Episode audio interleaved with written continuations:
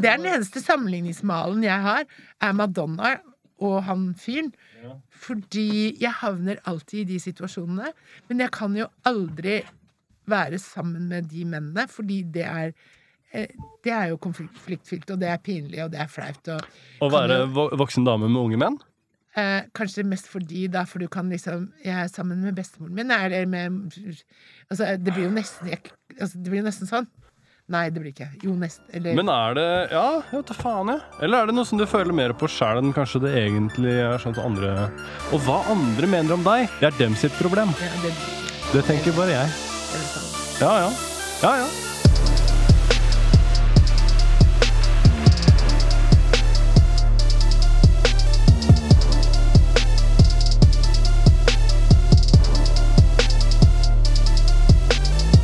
Alle på Allepodden. Uh, først og fremst så vil jeg si eh, tusen takk til Rimfrost, Later Hater og Black Diamond, som er uh, tre klesmerker. Norskproduserte klesmerker. Så vil jeg si takk til uh, Sylskarp Barbershop i Larvik og Sandefjord. Mest sannsynlig beste barbershopen i verden. Mest sannsynlig. Og så vil jeg si uh, Den podkasten har jeg gleda meg til en stund. Eh, og det hender at jeg sier, og jeg sier det kanskje for ofte, men uh, uh, Men det stemmer, stemmer på en prikk. Dagens gjest er en av de største levende norske kunstnerne vi har. Hun har tolv års kunstutdannelse. Uh, Nå begynner allerede å gløde borti hjørnene. Eh, fra en drøss med forskjellige norske kunstskoler. Hun har en rekke separatutstillinger og deltatt på Høstutstillingen, Østlandsutstillingen og Norske bilder. Hun har også vist bilder i Göteborg. Uh, Göteborg. uh, Kø København, Amsterdam og New York. Uh, hun har en fantastisk morsom og leken pop-art-stil, både i kunsten og i levende live. Velkommen, Unni Askeland. Eh, tusen takk. Men uh, du, jeg er innkjøpt av Nasjonalmuseet også, det er litt viktig for meg. For det ble sånn skandale i 2008 den gangen når det skjedde, så ble jo det virkelig en snakkis i nesten et år. Mm, Og det endte med at Alice Helland gikk av som direktør for Nasjonalmuseet. Alle sa det ikke var min skyld, og jeg har aldri følt noe sterkere på skyldspørsmålet Spørsmålet i hele mitt liv! hvilket kunstprosjekt var det? Det var A Lot of Water Under the Bridge. Det var liksom Ja. et sånt kunstprosjekt basert på filmen Casablanca. Ja, ja, ja. Mm. Men det ble litt eh, Det ble jo drama med de der Munch-adopsjonene også. Ja, det heter adopsjoner, da. Jeg vet ikke. Jeg er Jo, bare en enkel gutt fra landet. Ne- pff, Slutt, da. Du har tatoveringer overalt. Jeg er faen ikke enkel gutt fra landet. Da er du ganske komplisert, altså. Ja. Når du er nødt til å, når du er ikke nødt til å gjøre det, det er ikke det jeg sier, men når du liksom Hvorfor har du Er det en dame du kjenner, eller? Nei. Ah. Hun var ganske pen. Ja, ja, takk for det. Mm, Nesten like pen som meg. Ja, det var nesten. Uh, men ja, de Munch-adopsjonene. Adop. Adopsjonene. Adoptert, liksom. Munch kalte bildene sine barn. Oh, ja. Og i og med at han gjorde det, så tok jeg meg en frihet som kvinne å adoptere de. Så jeg laget en ny term i norsk kunsthistorie, og, som heter Munch-adopsjoner. Mhm. Perfekt. Uh, hva, hvorfor ble det så dårlig stemning rundt det? Det var liksom sånn elsk og hat, og det var veldig mye elsk og veldig mye hat. Det var jo sånne anmeldelser som var liksom herfra til helvete, egentlig. Det var en som lurte på om jeg var hjernedød, da, siden jeg har gjort det, og så var det en annen som sa at dette var liksom egentlig genialt gjort. Og på en måte så um, er jeg veldig glad for at jeg gjorde det, fordi det er dette her med livet, da. Altså, det er dette her med å være eller ikke være, eller er det disse tre tingene som er livet og døden og kjærligheten. Og uansett hvordan du på en måte eksponerer deg selv i forhold til disse tingene innen kunsten, så er du så veldig redd for at det skal bli patetisk, at det skal bli at det skal bli liksom uinteressant eller noe sånt, men der har du Munch, vet du. Ja. Fordi han klarte det. Han gjorde det, men han gjorde det på en annen tid, så det ble liksom Det ble jo Utstillingene hans ble jo stengt, han ble jo eh, ikke likt så veldig heller. Så han Det var jo mye sånn altså, altså, det er sånn det, jeg laget de bildene jeg laget i 2000, fra 2001 til 2004-2005 eller noe sånt, var det vel 2004 jeg hadde den utstillingen på Blomkvist. Så laget jeg de bildene fordi jeg var inne i en fase i mitt liv hvor jeg var i samlivsbrudd, hvor jeg hadde mye forskjellige ting i livet mitt som skjedde, altså kvinne i tre stadier, datter, meg og mamma, altså som på en måte. Så, så jeg, istedenfor iscenesette meg selv, så brukte jeg Så iscenesatte jeg meg selv inn i hans bilder og tok ut de bildene fra, som han hadde laget, som kunne handle om meg, da. Men er det ikke, når man får sånn masse elsk og masse hat, er ikke det det beste? Altså, en ting er, Det er jo på en måte kjipt at folk uh, hater på det du gjør, men samtidig så det verste som kan skje, er jo at ikke folk bryr seg i det hele tatt. Jo, men vet du hva, her har jeg en jævlig bra greie. Fordi jeg var jo sammen med Eric Anderson, ikke sant. Og uh, når han ga ut Ghost Upon the Road, så fikk han en sekser av Fredrik Vandrup i Dagbladet. Var, da ble jo han jævlig stolt. Og så sier han det til Lou Reed, som svarer You got a six. That's a kiss of death. Ja. Så på en måte, det kan du si at det er, men samtidig kanskje ikke. Men en ener som Lou Reed fikk for den der ene plata, var det Jeg vet ikke om det var Metallica hva, Husker du hva det var? Nei, jeg vet ikke. Nei, men det var i hvert fall noe sånn, jeg lurer på om det var Metallica, altså som han gjorde som Altså, var den som solgte mest, og som, var, alt som ble mest snakka om, men han fikk jo så dårlig kritikk for den. Og det er liksom Det er sånn typisk, får du en ener, da, så kan du være nesten helt sikker på at du blir snakka om til du dør. Ja, ja. Får du en firer, så ligger du tynt an. Firer er livsfarlig. Firer, Firer og samtidig er så er det jo eh, Det er skummelt med sånn som Vi hadde Lars Berrum, han komikeren på, kom, på podkasten for noen episoder siden. Og han har gått fra ikke sant, å ha Han får stort sett terningkast én. Men er veldig komfortabel i det terningkast én-livet. Men nå, det siste showet som han har, så har han fått terningkast seks. Shit. Og hva faen gjør du da, ikke sant? For da må du plutselig Skal jeg begynne å leve opp til forventninger? Skal, skal jeg begynne å Ok, nå må jeg neste gang så må jeg passe på at jeg får terningkast seks igjen. Eller Det er bare andre siden av terningen, da. Det er egentlig eh, veldig enkelt. Ja, ja, det er kjempeenkelt, men det skaper jo en forventning fordi han har gått fra å ha show til folk som forstår han, til at eh, nå er jo alt utsolgt, og de har lyst til å flytte showet hans til større og større venues, men han nekter jo hele tiden. Han er liksom sånn, han vil, han vil ikke at det skal bli større, da. Så han har heller bare utsolgt show ut Var det eh, Februar, tror jeg. Ut februar nå, ja. Eh, hvor han da holder liksom to show om dagen syv dager i uka omtrent, ikke sant. Det er veldig kult, da. Ja, ja, det er jo dritbra, men det er jo fint Men å kunne kunne holde på det. du vet Ja, men det er, å holde på den intimiteten er jo gull. Ja. Det er gull, liksom. Samtidig som da Du da kan miste en million eller-. Ja, ja, det, ja, ja, er du gæren? Det er jo det som skjer. Så det som skjer, er jo sikkert at han gjør Han utvider det. Altså, han gjør det, liksom. Tror du det? Ja. For pengene? Nei, men tenk deg hvor mange som har lyst til å se, som ikke får se, det. Ja. Det er jo litt kjipt. Men Men tenk så kult å være en av de som får se det. Når at det etterpå er en snakkis, sånn som jeg var på det showet. litt Seinfeld, liksom. Ja, men altså, det er mange som har sett, sett Seinfeld, men uh, er litt sånn når man eh, er liksom en av de få som har vært og sett den tingen live, da, når den tingen var på ekte, eh, så blir det litt mer spesielt, liksom. Selvfølgelig. Men Seinfeld begynte jo sånn.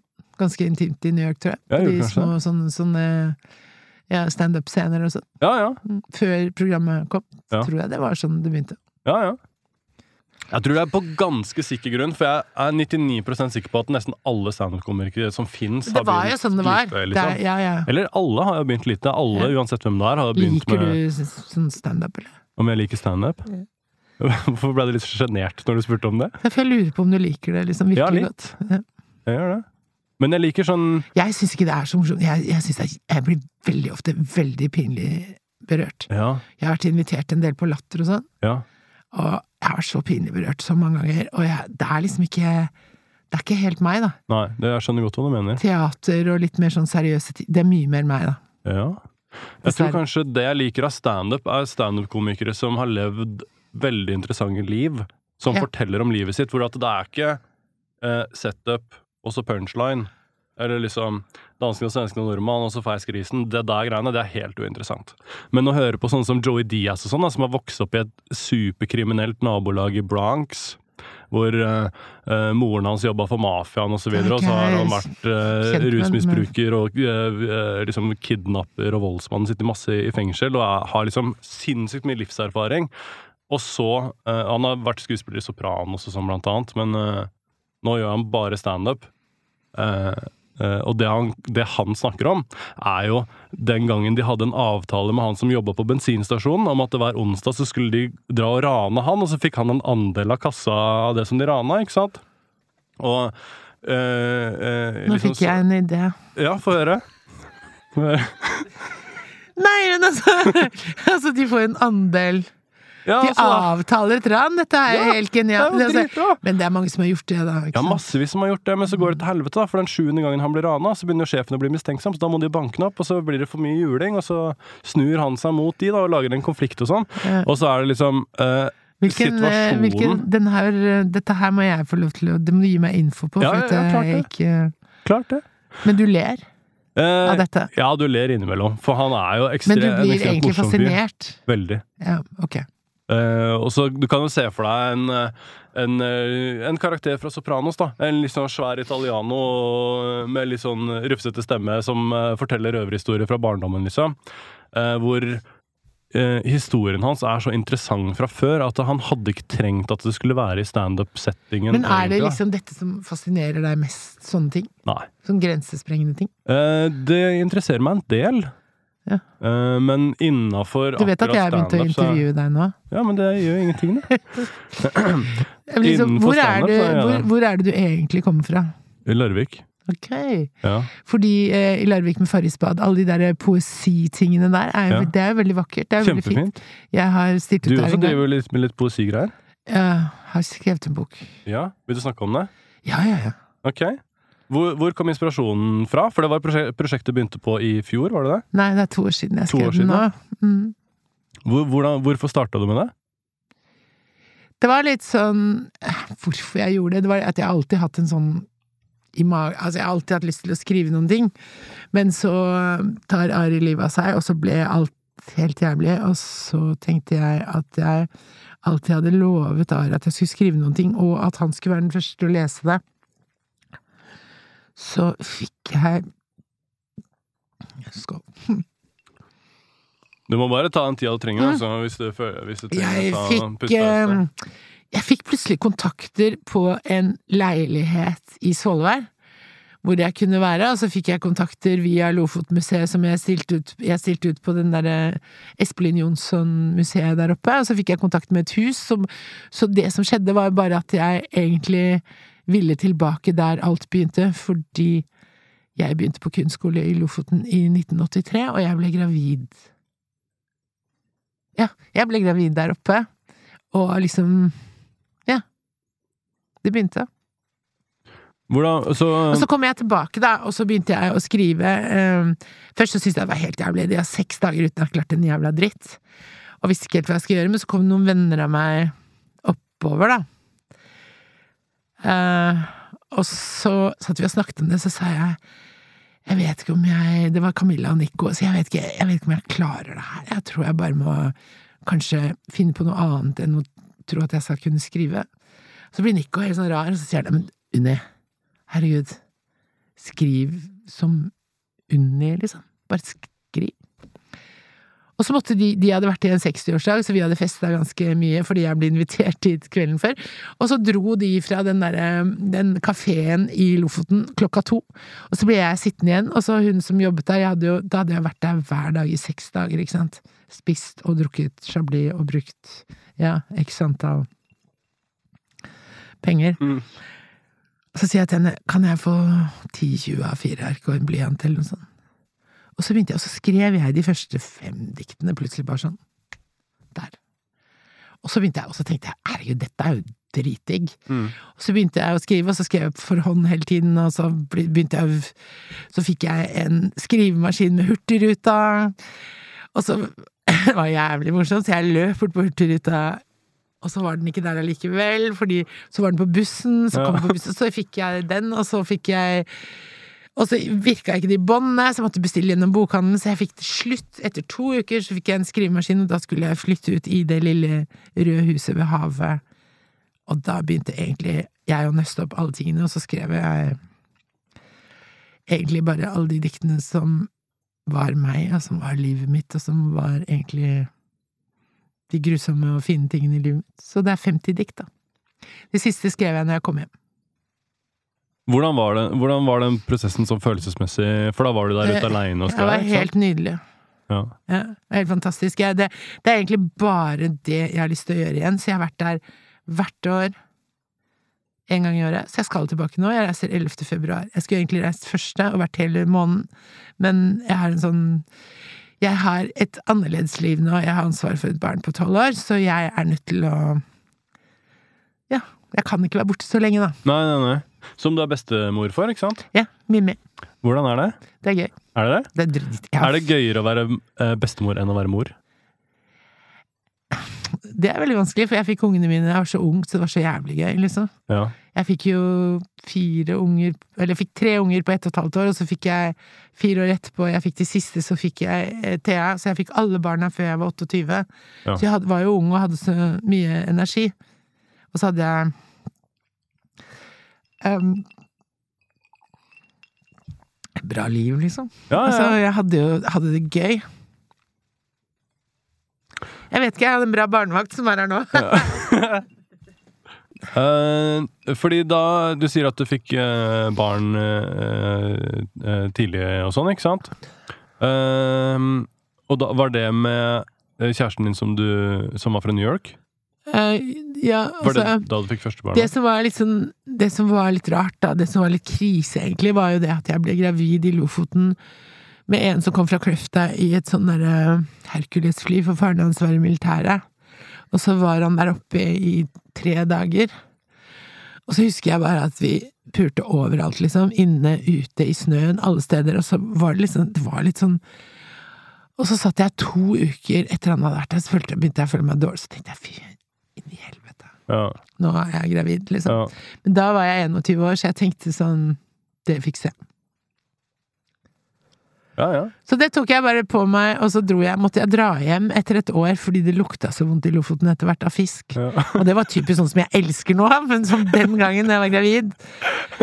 Så Så da klarte du ikke å være der pga. fiskelukta, liksom? nei, jeg måtte dra. Ja, ja, så sykt. Så dro jeg hjem, og så fikk jeg Oda, og så fikk jeg leilighet, og så um, var det egentlig sånn derre Jeg måtte fortelle til Erik Han kom jo tilbake, han hadde jo skilt seg. Ja. Det var krise, altså. Han hadde skilt seg, og så var jeg gravid med en annen mann. Det, det blir du ikke så veldig glad for. Nei, nei, er du gæren? Så han ble ikke veldig glad, men jeg var sånn Jeg skulle Jeg hadde bestemt meg, så Sånn var det. Så da dro jo han, i litt sånn harnisk, men kom tilbake. Ja. Så Og da fikk vi tvillinger, skjønner du, eller? Det er liksom punchline. Det er left hooken, liksom. Hvordan er, liv, hvordan er det livet etterpå, eh, når man sitter med tre kids og liksom For han har jo sitt liv, på en måte, da. som Ja, han hadde alltid sitt liv, Ja, og jeg var nødt til å gjøre de tingene jeg måtte gjøre. ja. Sånn var det bare. ja, ja, ja. Det var veldig rart. Det var veldig sånn jeg, jeg måtte ha energi, tror jeg, som ti ville hester. Jeg må ha hatt det, for jeg skjønner ikke, fordi jeg har aldri hatt bil, ingenting. Jeg har gått og pusha de her barnevognene opp bakken og ned bakken og fram og tilbake, og alle aktiviteter, alt mulig. Jeg har jo liksom Jeg gjorde jo alt. Alt, alt, alt, på en måte. Og så skulle de jeg var litt sånn idealist, da. De skulle være med på det, de skulle være med på det, de skulle prøve ut det, de skulle prøve ut det. Så jeg ga meg jo ikke, da. Jeg husker jeg gikk i snøføyk til Romerike folkehøgskole, vi bodde på Kløfta. Tok toget til Nordby, og gikk en kilometer fra Nordby med alle ungene påkledd med omtrent liksom For at de tre eldste skulle være på teaterskole, og hun yngste lå i barnevogna. Så hun lå jo alltid nedi og, så- og, vi gikk, og det gjorde jeg hver uke. Det er en av de tingene jeg gjorde, liksom. ja, ja. Har du tatt med den stå-på-vilja inn i kunstnerkarrieren etterpå? Ja, ja, ja, selvfølgelig. Tror, du, tror du det har hjulpet deg, at du er sånn jernkvinne? Jeg vet ikke om jeg er jernkvinne, for det er jeg i hvert fall ikke, fordi jeg er altfor følsom og ferdig til å være jernkvinne, liksom. Ja. Jeg er sånn Jeg er jeg, jeg, jeg, er, blitt på en måte litt sånn Jeg vet ikke, kanskje mer, mer menneskelig. Har fått det mye bedre. Menneskelig, det hørtes dumt ut, det var feil. Men jeg har fått det mye bedre. Jeg har bestemt meg for å ha det bra, på en måte. Fordi Og da, i, i den prosessen med å jobbe med å ha det bra, da, det bruker du ganske lang tid på, og det brukte jeg jo kanskje tre år på etter siste samlivsbrudd med Sverre Bjertnæs, som bare gikk ut av huset og kom ikke tilbake og gifta seg med min yngste datters venn, etter vi hadde vært sammen i 15 år, og så liksom på en måte fornekter den historien, da, så det er litt morsomt, da. Mm. Egentlig. Fordi jeg gjør det ikke.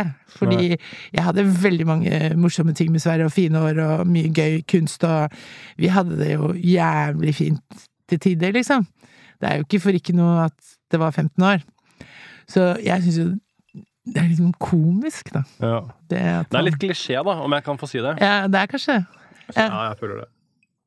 Jeg var jo eldre enn han da også, ikke sant? Ja. Når vi giftet oss, var han 30, og jeg akkurat fikk 30, og jeg var 44. Det var ikke så stor aldersforskjell som det er nå, da, på de jeg ligger med, liksom. ja, ja. Nå er de mye yngre, liksom. ja. De blir yngre, og du blir eldre.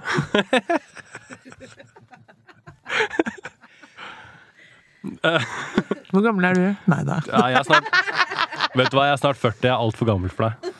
Er du snart 40? Ja, ja. Du ser kjempeung Jeg ut. det. Jeg, det er, jeg holder meg evig Men du vet at jeg blir 60 nå til sommeren? Ja, jeg veit det, så det samme gjelder jo for deg. Det er veldig gøy, da. Ja, det er, Det er kjempegøy. hvordan er det å være deg nå, kontra å være deg for f.eks. 20 år siden? Det er litt bedre. Er det det? Hva er det du har lært meg Det om som er bedre, er jo det at jeg er på en måte mer fornøyd med meg selv, og jeg forstår jo egentlig at nå kan vi ikke gjøre noe mer. Ja, ja, ja. Men det er liksom sånn, i dag så hadde jeg, jeg kjøpt meg sånne magnetøyevipper på nett, ja, så jeg skulle sette på meg før jeg dro. ja. Jeg klarte det jo ikke. Søstera mi prøvde, og mora, mora mi bare satt og så på meg, altså, de, for de var på lunsj, og de uh, Vi fikk det ikke til, liksom. Så det er lureri, altså. Men hva er det for noe? Magneter? Sånn Ja, det er sånn magneter magnet, du kunne sette på sånne øyevipper sånn at jeg kunne se på deg på en sånn liksom Ja, og blunke sånn? Og så ble det ikke sånn, så ble det bare en eyeliner isteden. Dritkjedelig, ikke sant. De vippene hadde jo vært det. Jo, hvis jeg hadde klart det, da. Ja.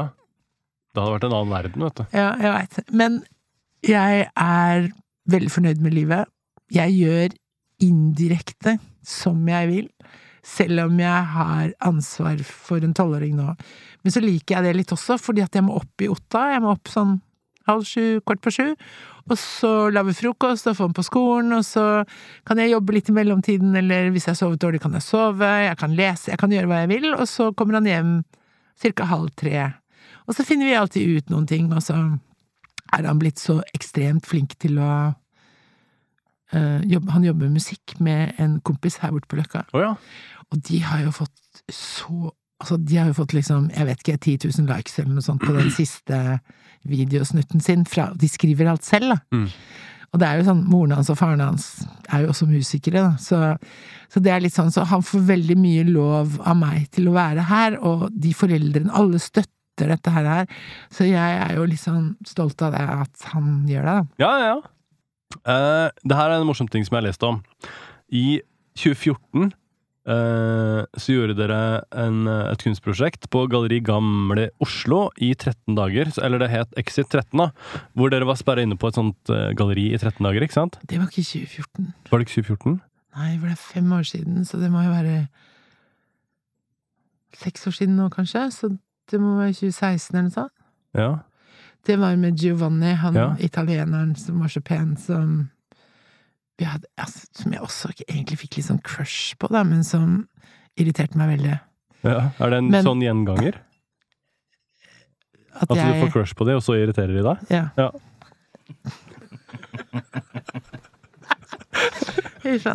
Nei, men det var veldig morsomt, for han var kunstner fra Italia, fra Roma. Og Ja. så møtte jeg han igjennom fordi han studerte kunst i Norge. Så møtte jeg han, og så ble vi enige om at vi skulle gjøre dette her. Og så ville Galleri Oslo gjøre det. Så vi låste oss faktisk inn i Galleri Oslo. Jeg flytta bare møblene mine, bøkene mine, senga mi inn der. Så var der, vi var der i 13 dager. Og så hadde vi Vi filmet alt. Og så hadde vi sånne derre Hva skal jeg si? Vi hadde sånne kunstnermøter, intervjuer, hvor vi lagde sånne eh, Møte med for eksempel Kjell Nordstrøm, da, som Baron for Bulldog, og så Hank von Helvete, husker jeg. Altså, det var en del eh, Altså, det var et, egentlig jævlig fin greie vi gjorde. Men når vi var ferdig med det og endelig slapp ut og fikk kommet hjem og dusja For der var det bare sånn bitte liten do med en vask. Jeg husker ikke om det var varmt vann engang, jeg. I vasken. Men det som var så jævlig morsomt, var det at eh, jeg kunne jo ikke, når jeg skulle ordne meg, så kunne jeg kunne ikke lukke igjen døra på badet, fordi jeg fikk ikke Da kunne ikke jeg rum, Altså, rumpa mi stakk utafor. så det var, det var liksom sånn derre Hver eneste gang så sier Giovanni til meg oh, Madre mia altså, do, do, Now you have to You have to do it, right? So yeah, I have to clean up. Look at me. Okay, okay, I won't come. I won't come. I can't stand the sight one more time. det var jævlig morsomt. Vi hadde det veldig morsomt, men vi krangla jo litt, så vi malte hele tiden og leste, og jeg skrev litt, og Så det ble en utstilling etterpå. Og da kom vi i en sånn derre um, kabriolet. Veldig pynta og fine, med solbriller og teip foran munnen, og sa ingenting på en time. For vi mente vi hadde sagt nok i de 13 dagene. Ja, ja. Folk ble så sure. Ja. Det var så rart.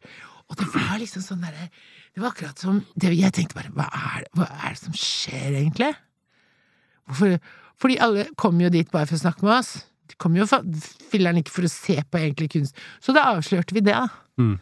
At det er veldig mye sånn det er, da. Men er det ikke generelt sånn på vernissasjer og sånn, da? Jo, At det da, er mange da, som da kommer for det? skal ikke jeg ha noen flere vernissasjer. Nei da. Nei, du må ha andre vernissasjer. Jo, men hvis du selger bilder samtidig, så er det bra. Ja, ja.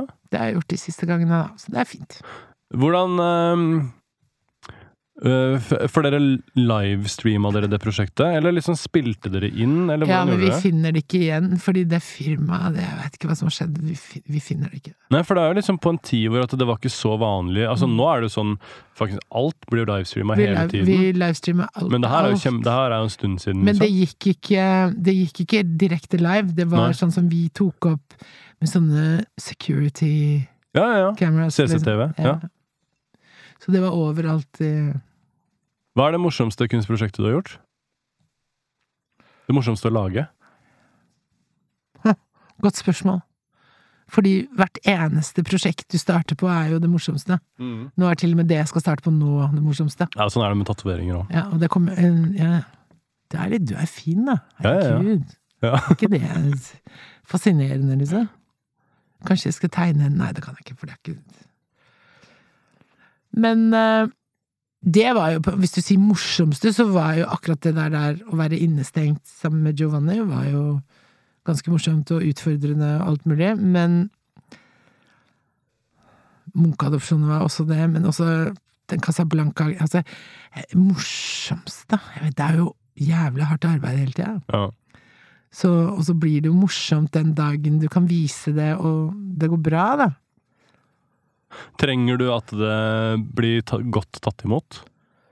Eller er det sånn at hvis du er fornøyd med en ting, så er du fornøyd med det uansett hva andre mennesker mener om det? Det liksom? er litt sånn. Ja, Jeg er fornøyd uansett, men jeg liker at det blir skrevet om. ja. Jeg driter i eneren eller Og at folk kjøper det. Hjelper jo litt sånn for neste prosjekter, liksom. Eh, Jeg har sittet på Fine Art, er fin nok for deg? Ja. Og det var en veldig spesiell utstilling. Det var veldig sånn derre eh, Hvor jeg iscenesatte meg selv. Veldig mye bruk av min egen kropp og hvordan det er å på en måte ikke utvikle seg, men bli eldre, da, på en måte. Men samtidig så var det veldig sånn ærlig, direkte, og det var sånn samfunnskritisk også til kropp, på en måte. Men da solgte jeg ikke ett eneste bilde. Og da sa både anmeldere og andre gallerister at det skulle jeg være jævlig stolt av. Ja. Fordi det var der det var. Ja, ja. Så gudene vet. Jeg vet ikke, kanskje. Men jeg syns jo det var jo frustrerende da, fordi Men jeg solgte jo i etterkant, da. De bildene. Jeg har ikke så mange Jeg har noen igjen, men det var sånn Da solgte jeg privat, og da fikk jeg pengene selv. Ja. Så det litt, ja, ja det er bedre, det. hva skal man si? Uh, en, en gang så var Du hadde en utstilling i i uh, Stavern, på den der kunsthallen, eller hva det heter for noe. Det er en sånn industrihall. Um, Herregud, det var da jeg satt på scenen i undertøy og leste. Jeg var ikke der, men, men Det var jo helt morsom. pinlig. Det var jo 30-33 grader den dagen vi gjorde det, og jeg var med med noen sånne pornobilder, og jeg gjorde en sånn der performance sammen med Jan er Wallaker og en eller annen sånn- en er amerikaner, og jeg måtte kle Altså, jeg kledde av meg på scenen. Vet Klart det. dette her Det er klart du kledde deg på Og jeg Da var jeg ti kilo mer enn nå, så jeg var skikkelig sånn derre Altså, det var, det var, det var mye øh, flesk for penga, altså. Og da hadde jeg skrevet en sånn tekst om Tinder. Ja. Om liksom Ja. Altså, jeg glemmer det, det, Og jeg måtte gå ut hele tiden på toalettet og ta hele hodet under under eh, springen, fordi det var så varmt at hodet kokte hele tiden. Og så endte hele greia med at vi, vi skulle få en belønning, da, assistenten min og meg, vi skulle bli kjørt inn til Tønsberg. Ja. Og når vi kom ut, så sto det en gjeng med Harleyer der. I alle dager. Det er det Og så, verste jeg har hørt. og så, så fikk vi sitte på, og det husker jeg. Det var sånn derre Det var liksom Da blåste det opp mellom beina, opp under puppa Altså, det, håret, alt Altså, det var sånn Jeg tror det er det deiligste minnet jeg har fra kunstnerkarrieren min. Bak på den Harleyen. Og han var jo Det var ikke så verst. Han var ganske kjekk. Ja. Skjæra til Jørgen Grønnere, som kjørte den Harleyen. Alle de gutta her er i den samme MC-klubben som meg. Du visste det! Ja, ja, klart jeg visste det. altså, jeg Ah. leker ikke at vi driver med research, skjønner du. Okay. Nei, altså, det er morsomt. Det er uh, Ja. Men det var helt jeg sykt. Hørt, hørt Det var helt- eh, i etterkant, de greiene der, altså. Oh, ja. Ikke Det noe, var veldig- det var veldig morsomt. Jørgen var jo han som kjørte motorsykkelen. Han syntes jo det her var eh, høydepo kveldens høydepunkt. Han syntes det her var dritmorsomt. At de hadde liksom blitt hyra inn til å være taxi når dere skulle inn til byen, liksom. Så nei, det er I pluss 33 grader omtrent, liksom. Det Ja. var altså så varmt. Men du husker det vel? ja, Men eh, var du der? eh, Nei, ikke, ikke da. Okay. Jeg hadde eh, Nei. Jeg vet ikke, jeg tror ikke jeg var i Norge engang, jeg. Eh, det her er en For at det er en annen utstilling som du har gjort òg, som jeg syns var veldig morsomt. Eh, fordi jeg leste i VG, tror jeg, at politiet måtte rykke ut til en kunstutstilling du hadde, fordi det lå en død dame på gulvet. Skjønner du hva jeg mener? Hva, hva skjer med det? Det var i Hamar kunstforening. Ja. Jeg hadde laget en skulptur av meg selv som var helt lik meg selv. ja. Og det var veldig morsomt. Jeg laget den sammen med Anja Kar, og jeg laget den av bobleplast og teip. Vi laget, vi tok en sånn derre Vi bare tok og plastra meg inn.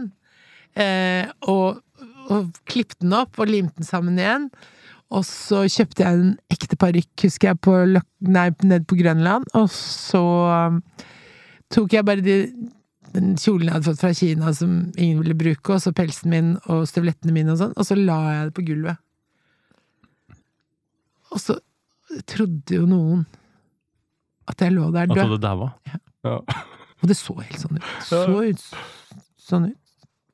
Fy, er det sånn uh... Det skjedde, men da lo jeg, men da var jeg hjemme. Da, da, da lo vi noe innmari, liksom. Altså, ja. ja, for dette, hun rør jo ikke på seg. Det, Ja. det blir litt den humoren der, da. Så det Men lever du for å For det her er jo på en måte ikke iscenesatt, da.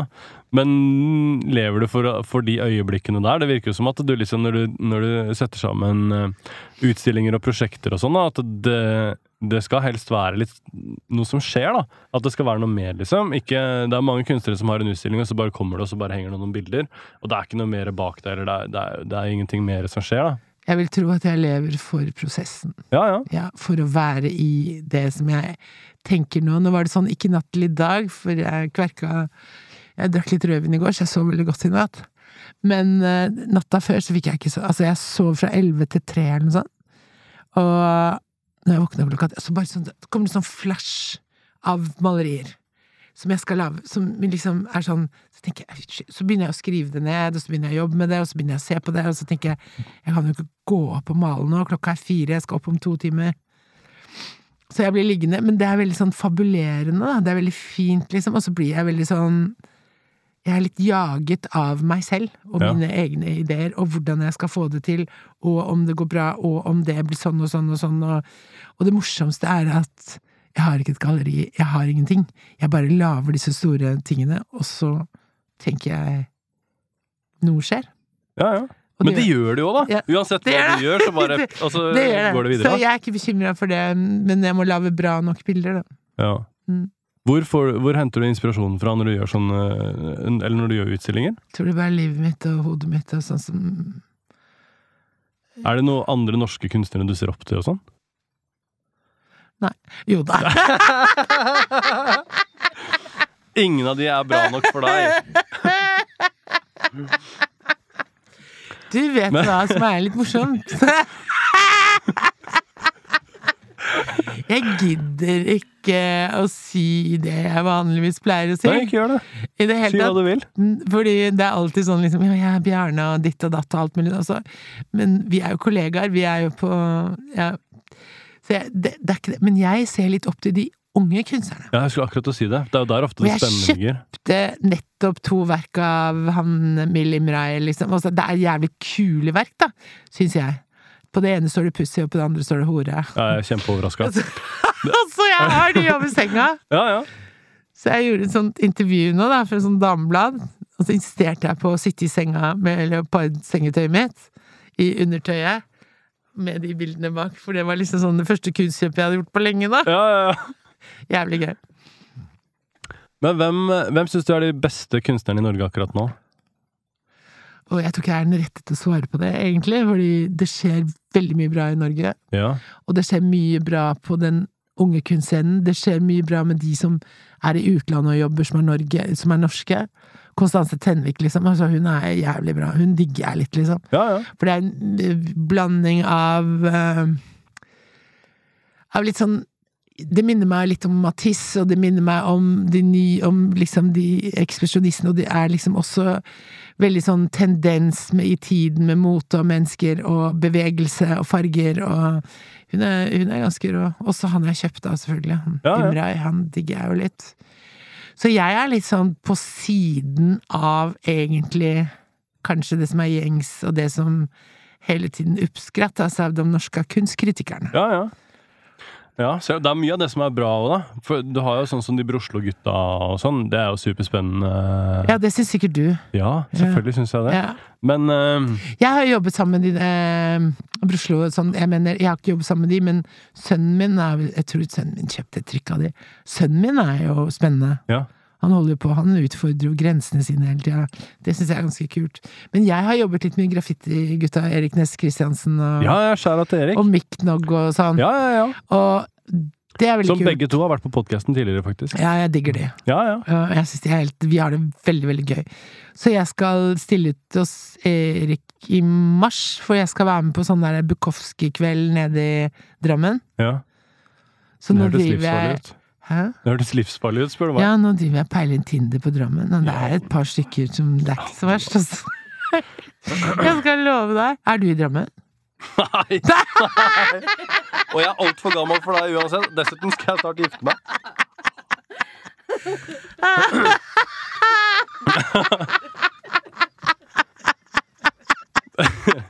Nei, for helvete.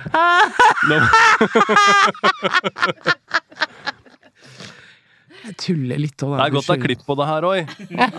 Ikke klipp bort der, da. Det er jo latteren fra På ingen måte. Det her er jo det beste. Det her er jo gullet. Men, men ja, hva Bukowski-inspirert Ja, Hva skal du gjøre etterpå? Hva jeg skal gjøre? Jeg skal Ja. ha en podkast til. Faen. Ja. Jo, men jeg tenkte vi kunne liksom Vi skulle gå ut og drikke og spise og sånn, men da skal vi ikke det, da. Dere kan sitte her og drikke, dere. De skal sikkert ha noen øl, de gutta som kommer etterpå. Eh, men du, Ja. eh, det er ikke Det er en Bukowski Jeg var på Drivkraft på Ja. NRK, og da snakket jeg om at jeg leste Bukowski hver morgen. Og det Ja. gjorde jeg de første ukene i det nye året. Så gjorde jeg det. Men du kan ikke bare, du kan ikke bare gjøre det heller. Nei, for Også det kan bli litt mye av ja, men når jeg leste The Mockingbird, så ble jeg helt sånn derre Da ble jeg sånn poetisk henført og glad og ble sånn mjuk i mo i knærne og sånn. Ja, Så da tenkte jeg da stopper vi med den, så har vi den. ja. Og så nå venter jeg på Cecilie Løveid og, og han eh, eh, Mikael Hollebekk. Det bestilte jeg i dag. Men eh, det Bukowskien, det at du var så uh, inne i Bukowski, var det eh, Følte du noe tilknytning til det i forhold til de uh, dikta som du har skrevet, og det som du har skrevet selv? Det kan godt hende, har jeg faen ikke tenkt på. Nei. Jeg tenker bare på Bukowski, så tenker jeg på Barfly, og så tenker jeg på Mickey Rook, og så tenker jeg på Faye Dunaway, og så blir jeg helt ferdig, og så blir jeg bare sånn Jeg tror det er Det var en av favorittfilmene, kom vel helt på slutten 89 eller noe sånt? Eller? Ja, godt hende. Og altså Så vi skal se Jeg tror vi skal se den i Drammen, da. Og det er den derre scenen hvor de sitter i den baren, og hun kommer inn. Og han, han ser på henne sånn fra andre sida og sier mm, What do you do? Og så snur hun seg bare, og sier hun bare sånn I drank. Og så kjøper han ikke sant, den derre whiskyen, så sender han den over baren, for det er jo ingen andre der. Og så begynner de. Og så får de et forhold, og han er jo en ung poet, da, som ikke har noe særlig mål og mening. Så kommer hun, da, med de feite beina. Det har ikke jeg, for jeg har fotballbein. For, Så jeg, jeg tar det fra midjen og opp.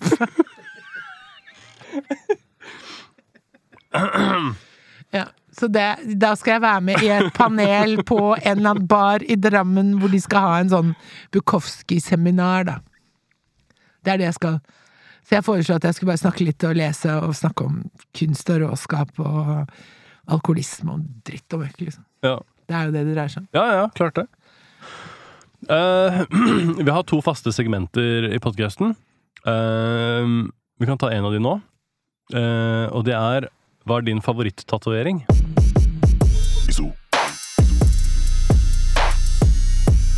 Hva er din favoritt-tatovering?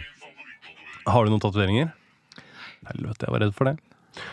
Eh, så hva er din Jeg har et favoritt-tatovering arr på på, på låret. Okay. På høyre lår. Hvordan fikk du det? Det fikk jeg da jeg var seks år, for jeg ble påkjørt av en bil, så jeg brakk lårbeinet tvers av, og så tok de og så kutta de opp hele låret, og så satte de inn en sånn, hva heter det? Titan? Nei, Stål? en sånn metallplate med fire skruer, og så skrudde de sammen, og så lå jeg i strekk i tre uker, og så måtte de åpne det etter et år og ta ut den der, og så er jeg fin. Men det arret, det er sånn hvor leger har sett på liksom sikla på Kan vi ta det vekk? Å ja. ja. Det er min Ja, for det er din favoritt-tatovering? Åh, for et bra svar på et spørsmål som jeg var redd for at det ikke kom noe svar på. Ja, Jeg fikk det. Eh, og det er en ting som jeg har lurt på eh, Som jeg leste om for kjempelenge siden. Som var at du gjorde eh, Var det Var det en dokumentarfilm, kanskje? Med en som sto bak et drap, som viste seg å ikke stå bak det drapet i det hele tatt. Vet du hva jeg snakker om? Uh -uh. Hva var den historien der? Det, jeg, Vet du hva, det, Det bare slo meg det nå, var det er sånn- egentlig så interessant, altså. ja. Fordi at jeg frekventerte Masava, det utestedet i Oslo, som var liksom det verste utestedet. Hvor da jeg egentlig skulle lage en ganske rå, en ganske sånn spesiell film om horene i strøket der. Med horene i strøket der. Så jeg dro jo dit hele tiden for å liksom bli kjent med alle som var der, bartenderne, alle sammen, og med horene, for de fikk lov til å komme inn i 15 minutter og varme seg uten å kjøpe noe drikke. Men jeg begynte jo å kjøpe drikke til dem, selvfølgelig, for jeg skulle snakke med dem, og plutselig så kommer det en fyr bort til meg, og så sier han Askeland, hvorfor er du her, da? Hva er det du Så sier jeg nei, jeg driver med sånn Jeg tenker på et videoprosjekt. Og da sier han at han har jeg, altså, jeg er vel kanskje den mest interessante personen du kan møte her i dag og sånn, fordi jeg har gjort noe jeg angrer noe jævlig på og sånn. Så forteller han at han var med på Hadelandsdrapene og bla, bla, bla, bla. Og så spurte jeg om han ville komme til Jessheim og gjøre en video med meg, og det ville han, og så måtte jeg Så googla jeg jo og sjekka alt, og det var jo egentlig kun et ungdomsbilde av han som hadde gjort det. Så jeg tenkte ikke noe særlig mer over det. Men jeg betalte jo han der fyren for å lage det, det var ikke så mye, men han kom jo i dress, han har pynta seg, liksom. Altså, er, det er så psycho, altså. Så kommer han, så sitter han der, og så filmer vi, da, og så spør vi han om alt mulig, og så Og, og jeg Den begynner med liksom Den videoen, da, begynner med Hva drømmer du om? Og hvor han svarer Jeg drømmer om deg. Jeg drømmer om Unni Askeland. Og at jeg ikke skjønte da hvor gæren dette var. Ja, men du har jo Ikke sant? Og, men den er veldig fin, da. Denne filmen er fin. Ja, ja. Jeg har den. Altså. Da, så viste det seg plutselig, når det kom da på førstesiden av Dagbladet, og når det kom inni, og når eller det var bilder av han, og det kom i det derre kunstmagasinet, så måtte jo alt sladdes og sperres, og, og så får jeg Husker jeg står på senteret og skal handle, og så får jeg masse sånne meldinger og sånn han er ikke Han er fake, og, og så får jeg plutselig en, en melding fra noen som sier at han er hjerneskadet, og så får jeg en melding til som sier dette har han gjort før, han er utspekulert Så jeg blir helt sånn satt ut, og jeg tenker bare jeg må kutte ut alt og reise inn på Fine Art, der vi egentlig skulle ha visning av filmen, og gjøre pressekonferanse. Og så ble de helt sånn derre Nei, jeg vet ikke Jo, sa jeg. Det gjør vi. Fordi jeg må fortelle hva som egentlig har skjedd. Så var det jævlig morsomt, for jeg kom direkte på Dagsrevyen. Og så skulle jeg si liksom sånn, så fikk jeg det så klar, Jeg klarte det, da, men jeg skulle si at jeg er blitt rundlurt. Men Ja, det var liksom det sånn hen. Ja, det var Det var jo Ja. Det var, og, det, altså, og det ble sånn stille i Dagsrevyen. Altså, det ble sånn Ja. Ok, ja, hun ble lurt, Ja. liksom. Jeg klarte, ja, heldigvis klarte jeg å si det, da. Ja. Ikke si det som jeg kunne ha sagt. Men det var en veldig, veldig rar opplevelse, og ja. Men det, det er jo også interessant, fordi det var han som ble kunstneren, det var han som egentlig brukte meg. Så det snudde liksom sånn til en sånn interessant ja, ja. Hva tenkte du når du forsto at herregud, hva er det her, liksom? Når du skjønte hva som var greia? Jeg tenkte bare at enten så måtte han ha en eller annen historie med meg som er oppdikta, eller en eller annen hevn, eller et eller annet, eller så bare syntes han dette var interessant, og han hadde lyst til å være det. Jeg, jeg, jeg, jeg, jeg forsto det ikke.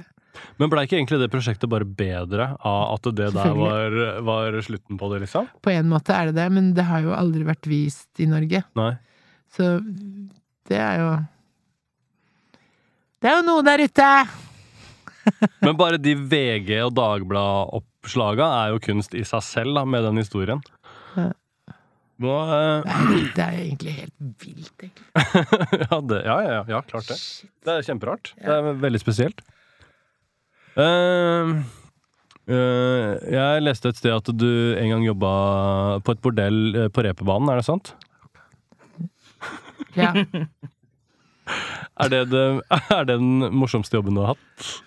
Det var veldig morsomt. Hvordan havna du i det arbeidet? I harnisk. Ja. Det, Jeg det er ofte sånn man gjør det. Jeg var nede i Enskede hos Sverre, og så skulle faren hans komme, og så måtte jeg dra derfra fordi at han kunne ikke fortelle faren sin at jeg var der, liksom at vi holdt på og sånn. Og det var sånn derre Så da dro jeg til Hamburg til en venn av Erik, da. Som het Wolfgang, og så bodde jeg hos Wolfgang i det murhuset, og så tenkte jeg hva er den ultimate hevnen? Jo, det er å bli prostituert. Ja. Så jeg dro for reperbanen. Og så ser jeg liksom sånn nydelig skilt, sånn Gjert Simone eller et eller annet sånt står det, og så tenker jeg nå går jeg ned dit til hun. Så ser jeg om jeg får en jobb. Så kommer jeg ned dit, og så sier hun oh, hi, um, would you like a drink? Så sier jeg oh yes, please, thank you.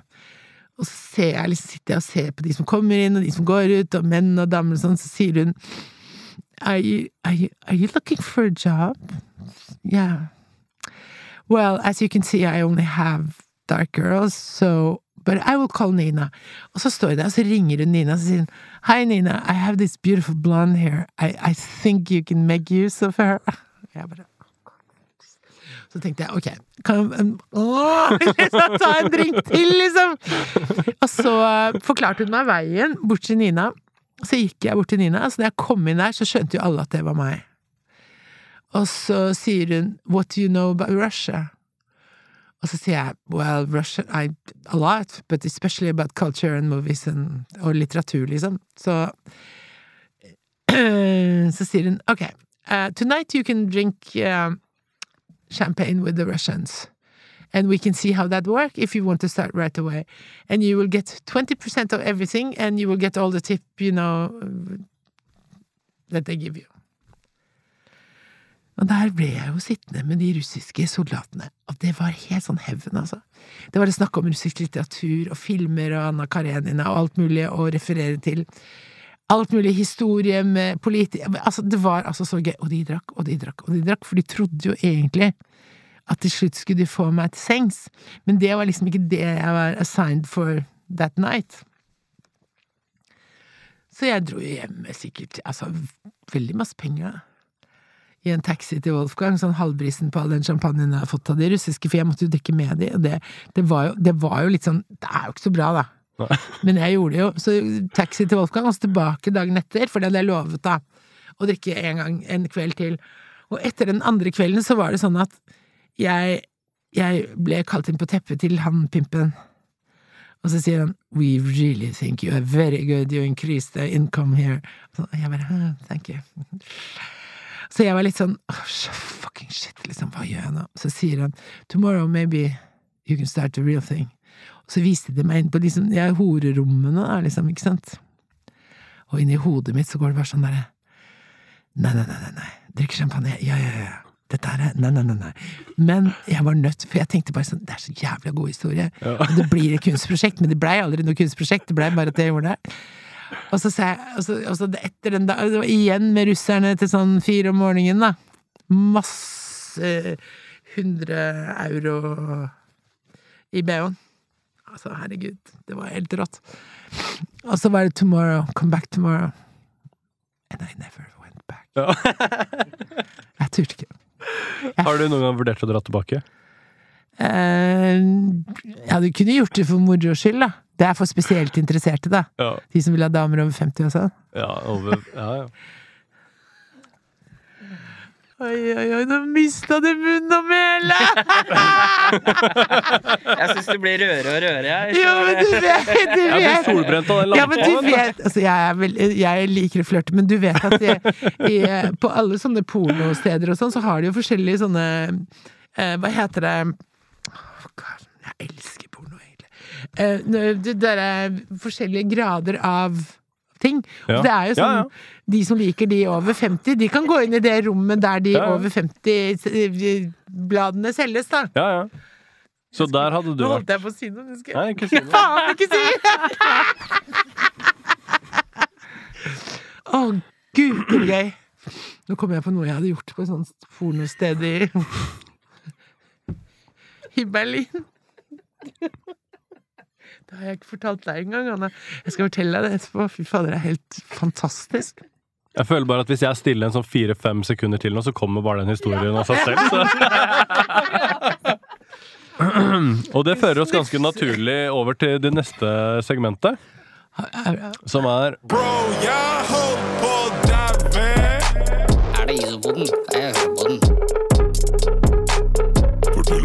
Det her er jo litt sånn rart at du sier, fordi i 30. april i fjor så var jeg ute og syklet med Osvald på syv år, som er barnebarnet mitt. Vi hadde det veldig fint, og vi sykla rundt hele Kløfta og nedover, og så snur jeg meg, og så roper jeg 'Osvald, 50 meter igjen til softisen!' Og han 'yeah', og så kommer det en bil, og så kjører han rett på meg. Jeg hodet rett inn i bilen, opp i været, ned på bakken, og ansiktet var sånn. Og da skjønner du ikke hva som skjer, ikke sant?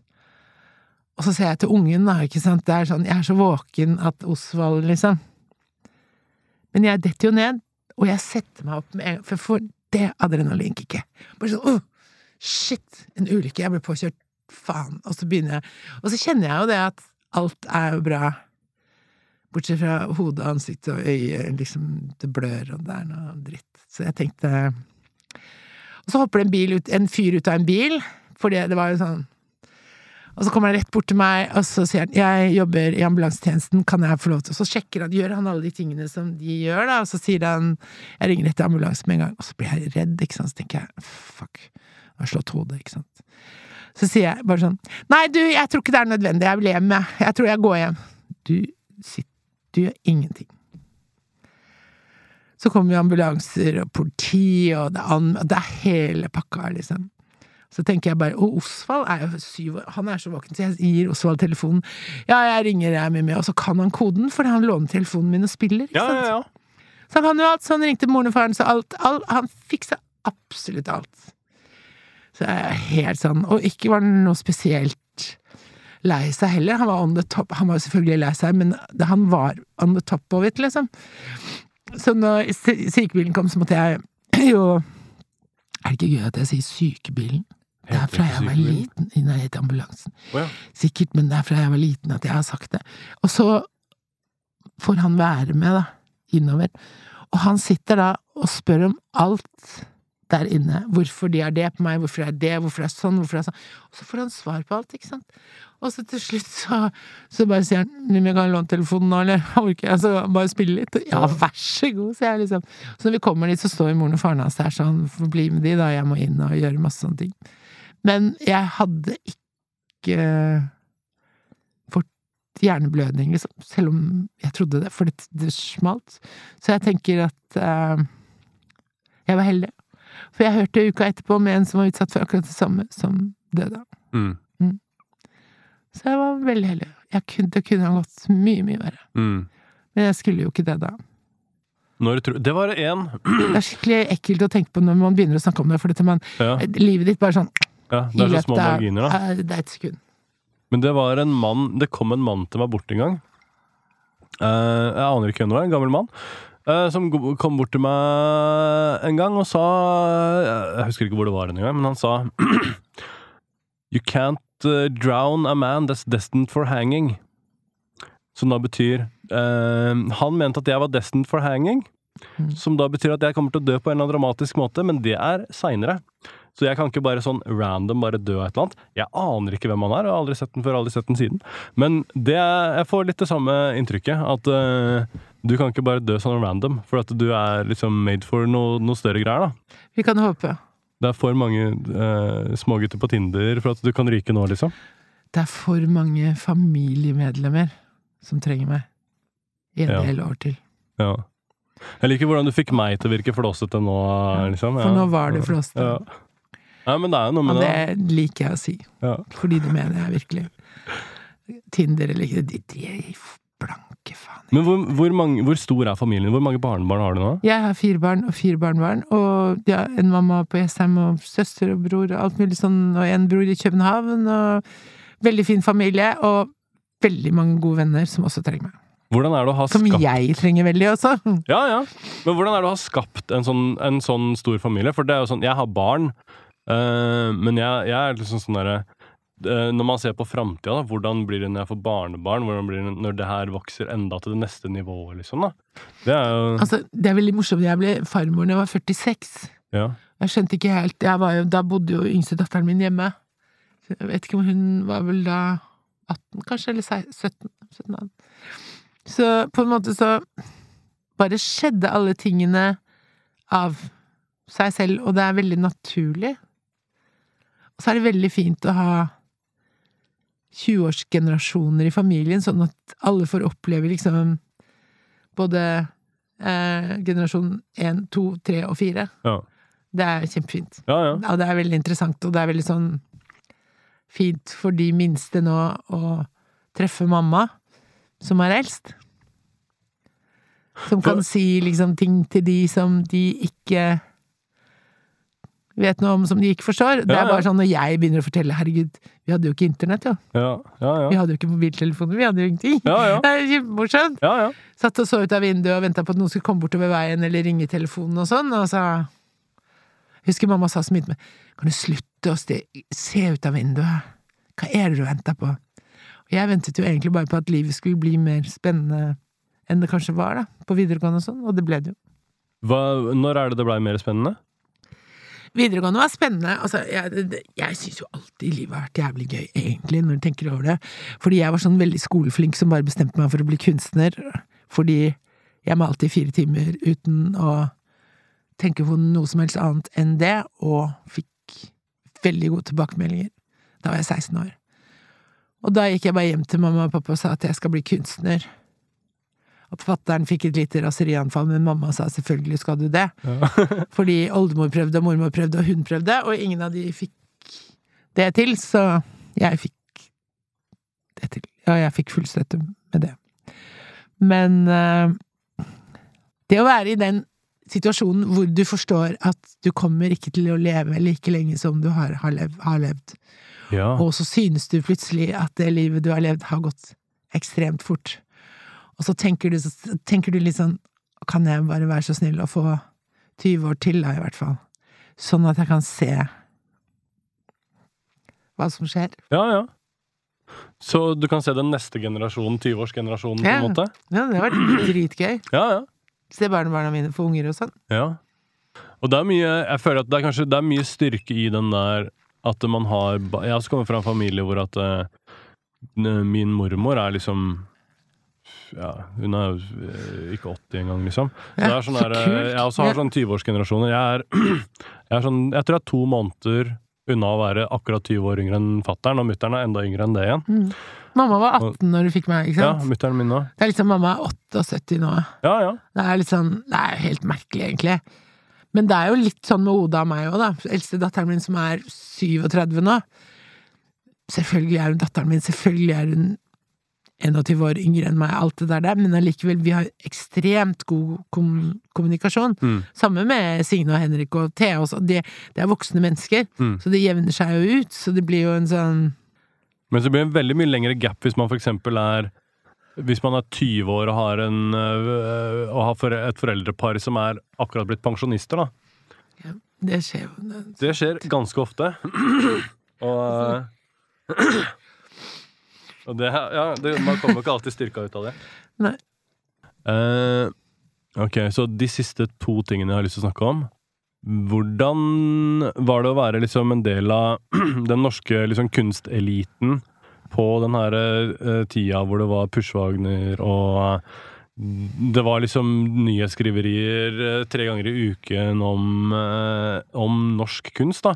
Melgård og alt det. Altså, det var en periode hvor det var Innenfor norsk kunst så blir jeg ikke sett på som noe som helst kunstelite i det hele tatt. Jeg er heller litt mer sånn uglesett, fordi jeg har vært i akkurat de der situasjonene som du snakker om, hvor jeg får for mye presse, hvor jeg får for mye omtale, hvor jeg får for mye alt, så jeg er blitt skydd heller litt som pesten i stedet for å kanskje fått det Tror du det, eller er det bare du som er kritisk, liksom? Nei, jeg vet jo det. Det er jo sånn det er. Nei, det syns jeg ikke. Ja, men nei, men jo, men kunsteliten er noe annet, liksom. Men tror du alle sier det? Hvis jeg hadde spurt Push om det for ti år siden, tror du han hadde Push sagt at elsket ikke jo han meg, var det? tvangsklina med meg på fine art og sånn. Altså, det er jo sånn derre Jeg elsket jo han òg, for alt han var og sto for. Og så alt, altså, han Jeg har hatt noen av de mest interessante samtalene i livet mitt med han. Han er jo lynintelligent. Ja, ja, klart det. Så den eh, siste utstillingen han hadde på Fine Art hvor jeg var, så var det meg han inviterte i middag på Bølgen, og vi satt ved siden av hverandre, og da Det var jo nesten en av de siste gangene jeg så han før han døde. Ja. Men han Men der, der ser du igjen hva, hva drømmer, oppmerksomhet, hva det å være på en måte genial kan gjøre med deg, kan, kan ødelegge deg Hvordan det kan ødelegge deg, da, fordi du blir for mye for deg selv.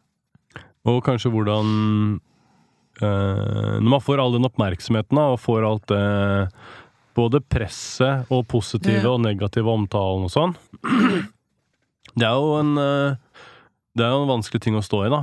Nesten selv om man har et svært apparat rundt seg og, og, og liksom blir tatt vare på, da. Så til og med da er det eh, nesten en for stor påkjennelse. Ja, Det er jo det, på en måte, men det er veldig fint. Sånn, for jeg hørte på podkast med Jon Fosse forrige dagen, Ja. og jeg liker jo han veldig godt. Og han sier liksom Han sier bare sånn Jeg vil bare si at bøkene handler ikke om meg. Alle tror at det er en sånn slags historie som handler om meg. Jeg er ikke noe interessant. Jeg, er, jeg befinner meg ikke noe sted hvor jeg er spennende, eller noe sånt der. Jeg er jo bare den forfatteren som skriver disse bøkene, og som lager disse virkelighetene. Ja, ja. Og det er jo egentlig bare interessant i seg selv. Ja. Akkurat det der der. Fordi eh, Og det er det samme som liksom alle har liksom på en måte bitt seg merke i Knausgård med Min kamp, liksom. Og det, det Knausgård gjør, er jo bare å skrive om seg selv. Ja. Altså, det er runking på høyt plan, altså. ja, ja. Og det, det har jo blitt verdenskjent. Det har jo blitt det er jo kanskje fantastisk. Altså, jeg vet ikke. Jeg tror Det er jo motpolen. Fosse, da. Ja. Jeg liker jo vel litt av begge, på en måte. Kanskje ville jeg hørt mest på Fosse. ja. I, eh, er det sånn at Fikk jeg sagt det? da? Ja, det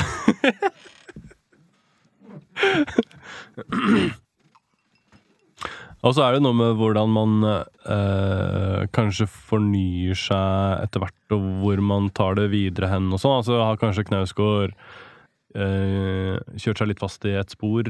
Ville noe Nei, nei, nå har han jo Morgenstjernen, den siste boka. Den Ja, er jo jeg, jeg er halvparten. Jeg, jeg er alltid halvparten i ting, og så Men jeg, jeg blir veldig irritert, da.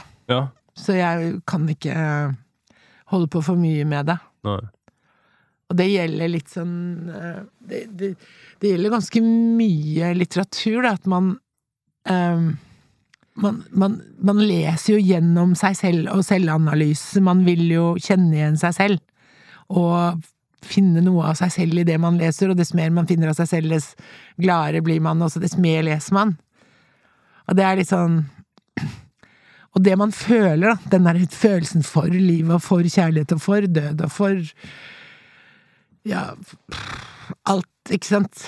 Så det, det er jo veldig interessant, fordi jeg hørte på den der um, Jeg hørte på Fabel på Tore Renberg leser um, Tollak til Ingeborg. Oh, ja. Jeg hørte Tore Renberg lese Tollak til Ingeborg på Fabel nå forrige dagen, og jeg har lest ganske mye av boken, men når jeg hørte forfatteren selv lese fra boken, begynte, så begynte jeg å grine, fordi plutselig det er sånn derre Shit!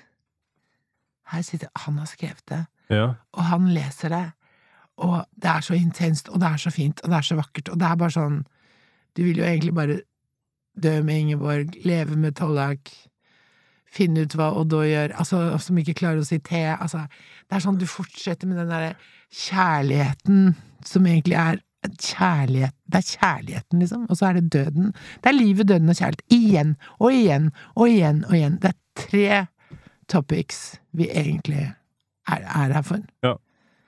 Så øhm, jeg tror at jeg er mye mer fascinert av litteratur enn av billedkunst. Billedkunst er noe dritt, altså. Er, kunst er jævlig kjedelig, og det er, det er noe dritt, liksom. Ok, så for, for å runde av det her på en måte som får det til å virke litt logisk uh, Ville du lese Vil du lese noen av diktene dine? Hvilke skal jeg lese, da? Skal vi se. Les det som er din, din favoritt. Du vet, uh, i denne boka som heter uh, Atro, mitt litterære selvmord, så har jeg skrevet 50 dikt, et lite forord og et lite etterord, og alle titlene på diktene har bare hashtag fra 1 til 50. Jeg kunne jo lest hele boka veldig fort for deg, men jeg skal ikke det. Jeg skal lese to eller tre, som går ganske raskt. Ja, ja. Ikke, ikke stress, altså. Jeg vil høre på det. Ja, men de er jo her. De kan vente. Hashtag 25. Om du vil elske mine lår. Fleske. Det hengende fitteflesket på innsiden av låra. Vil du elske det? Vil du kysse meg der? Vil du bære meg videre inn i uvisshet? tiden. Kjenne hvor deilig jeg er. Trenge inn mellom lårene mine. Mellom flesket. Det myke. Jeg vil jo det. Vil, vil, vil. Time run like a freight train. Won't you take me down the line? There is so much I can never say of the ruins left behind. Det var ikke slik den gangen da jeg var 21. Jeg hadde ikke hengende flesk, jeg hadde ikke de rynkene, men jeg hadde den samme fitta. Fitta mi. Og den er lik. Vil alltid være det. Jeg elsker fitta mi mer enn deg. Bross meg hæl. Kjør! Jeg tror at ehm, Jeg tror at uh, bare uh, kamera som filmer min reaksjon, mest sannsynlig er et bonusklipp som ligger på Patron-siden vår. For det, for det er en berg-og-dal-bane, altså. Ja. Hashtag syv. Jeg er homo, sa du. Nei, sa jeg. Ta fram pikken, så forstår du at jeg er homo i kvinnekropp. Prøv, nå prøver å finne et eller annet eh, Nå skal det ende med et smell nå, eller? Ja, Ja. dette er, det er Nei, men den, den, dette er veldig fint. Hashtag 42. Når snøen stille væter, ansiktet ditt renner, jeg faller på isen, sklir deilig på krum puddersnø, trenger ingen hjelp når alt er hvitt, jævlig hvitt og deilig. Da la han kuken på rekkverket og pissa i havet. Fjetret. Uh, og uh, på, på det så må vi avslutte på en høydare. Uh, Tusen takk for at du ville være med på podkasten så gøy! Dette var dritgøy! Det var mye Og- morsommere enn jeg trodde. Og jeg er så glad for at jeg Jeg er så glad for at jeg venta til nå. At Ja. vi tok det nå. På det nye. enig. At vi fikk 22. Ja. Tar 22. Fordi 22 er året jeg har bestemt meg for å si fra. Ja. Så jeg sier fra om alt. Jeg sier alt. Jeg, jeg bare liksom Og jeg prøver å blottlegge meg mest mulig, da. I sånn offentligheten. Ja, ja. Så bra. Eh, og tusen takk til dere som, eh, som ser på, dere som hører på. Uh, det har vært en berg- berg-og-dal-bane for oss alle sammen. Eh, hvis, dere, hvis dere har det på, hørt det her på Spotify, så er det også video på YouTube. Hvis dere vil eh, sjekke ut mer fra hva Unni driver med nå i 2022, så kan dere se det på hennes Instagram, som det er link til under her hvis det er på Instagram. Eh, og så vil jeg si eh, tusen takk til Roy, som er verdens beste produsent. Og det har han alltid vært, og det har jeg alltid sagt. Eh, takk for oss, podkasten.